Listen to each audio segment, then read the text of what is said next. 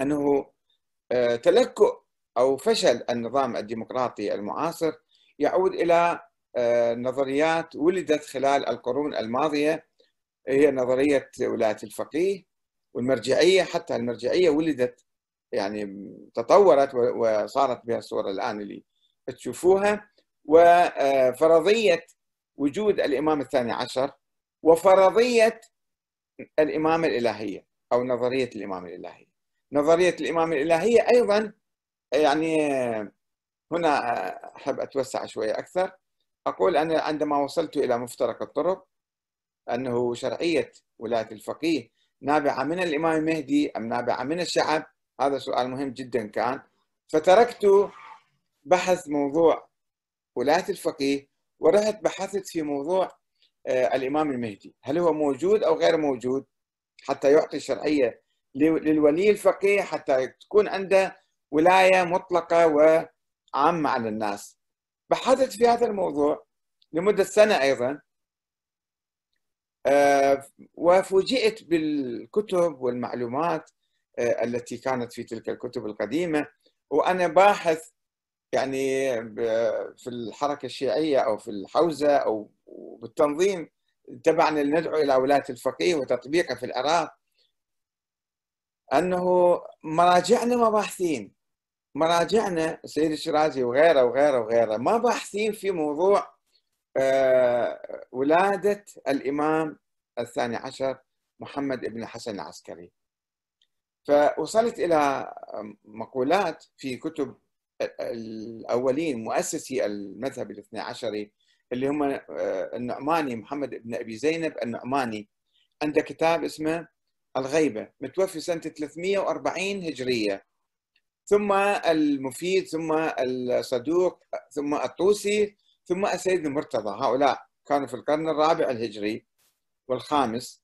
يقولون ليس لدينا دليل تاريخي يثبت وجود آه، هذا الولد للإمام الحسن العسكري. لأن الظاهر قال أنا ما عندي ولد. وهناك دعوات سرية من النواب الخاصين تقول أنه موجود ولكن ما عندنا دليل قوي يثبت هذا. أقوى دليل عندنا هو الدليل العقلي. الدليل العقلي يعني إذا كانت نظرية الإمامة صحيحة وبهذه الصورة وبهذه السلالة واحد بعد واحد وصلنا للإمام العسكري وما يمكن تنتهي وما يمكن تنقطع ولا بد أن تستمر ولا بد كذا لا بد كذا إذا لا بد أن نفترض وجود ولد له هو الإمام الثاني عشر. فإذا هي فرضية عقلية فلسفية وليست حقيقة تاريخية. وأنا حتى ذلك التاريخ كنت أؤمن بنظرية الإمامة ورايح للسودان استوني سنتين ثلاثة صار لي.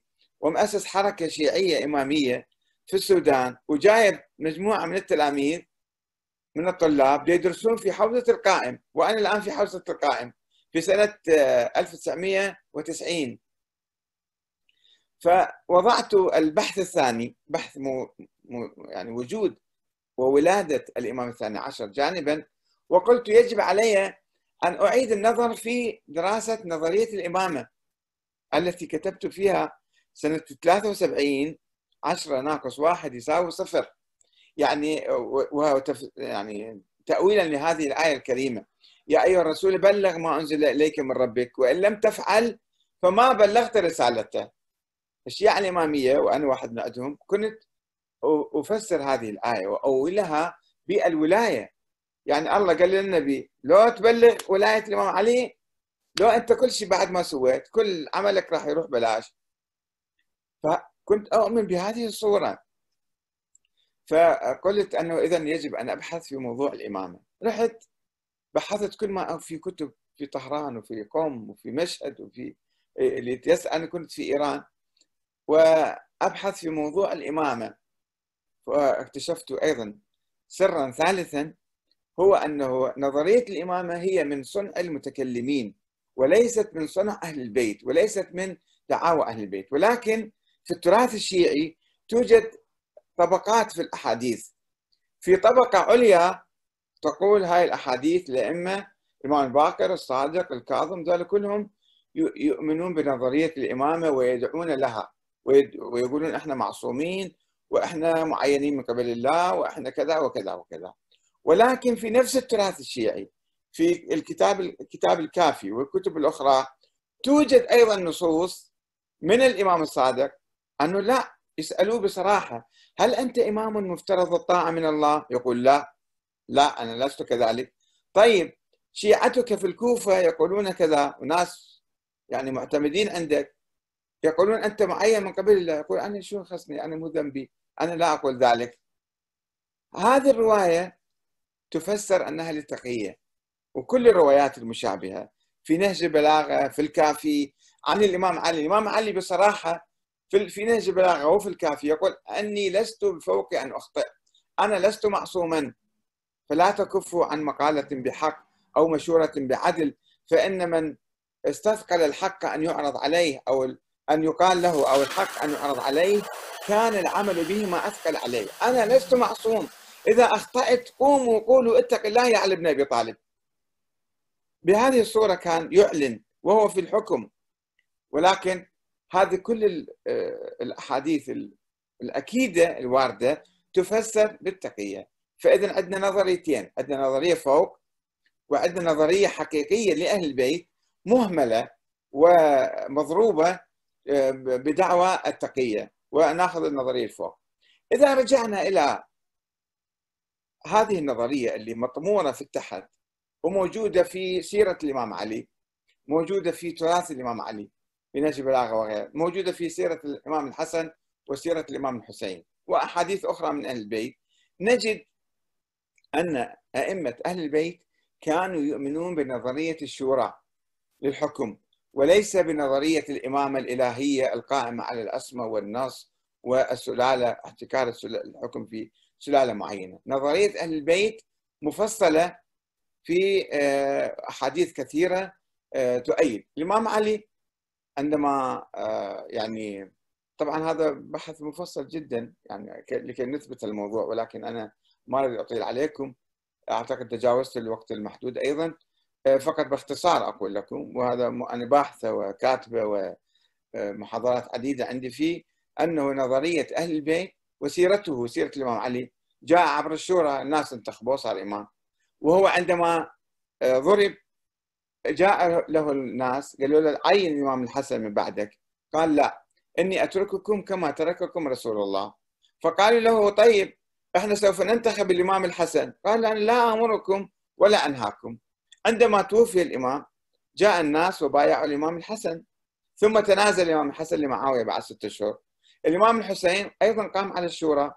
أهل العراق أهل الكوفة اللي هم كانوا عاصمة المسلمين هم انتخبوا انتخبوا الإمام الحسن الإمام الحسين واستدعوه للحكم. ولكن يزيد قمع حركته وقمع إرادة الشعب الكوفي في تلك الأيام. واستمر استمرت الأنظمة الدكتاتورية. فإذا نظرية أهل البيت الشورى الآن الشيعه مطبقيها ولكن التطبيق يشوبه بعض المشاكل والسلبيات والأزمات بفعل آه، المخلفات المخلفات نظرية الامامه الإلهية الدخيلة في الفكر الإمامي، نظرية الامامه الإلهية ليست فكر أهل البيت، نظرية الإمامة هي هي نظرية دخيله ومفتعلة ومركبة على أهل البيت وهم لا يؤمنون بها. فهي خلاصة الموضوع لكي لكي ننجح تجربتنا الديمقراطية في العراق وفي إيران وفي أي مكان علينا أن نتخلص من مخلفات النظريات السابقة ونؤمن بالنظرية الديمقراطية التي تساوي بين الناس لا شيعة ولا سنة وهذا لا يمكن أن يحدث إلا بإقامة نظام جمهوري رئاسي يعني انتخابات رئاسية آه، الرئيس يقدم نفسه مو يتكلم ويا أهل بلدته وأهل منطقته وأهل مذهبه وطائفته فيكون طائفيا في البرلمان ويطالب بالمحاصصة والحكومة تكون ضعيفة. لا رئيس من أي طائفة كان من أي قومية كان من أي دين كان يرشح نفسه للشعب العراقي يخاطب الشعب العراقي خطابا وطنيا ديمقراطيا. لا طائفيا ولا قوميا. والشعب أيضا ينتخبه وهو يشكل حكومته ويشكل له حزب وطني ديمقراطي لا طائفي ولا آه، ولا قومي ولا عنصري. فبهذه الصورة نطور النظام الديمقراطي وإن شاء الله نتقدم نحو الأمام. بفضل فكر أهل البيت الأول. والسلام عليكم ورحمة الله وبركاته. الآن نستقبل أسئلتكم.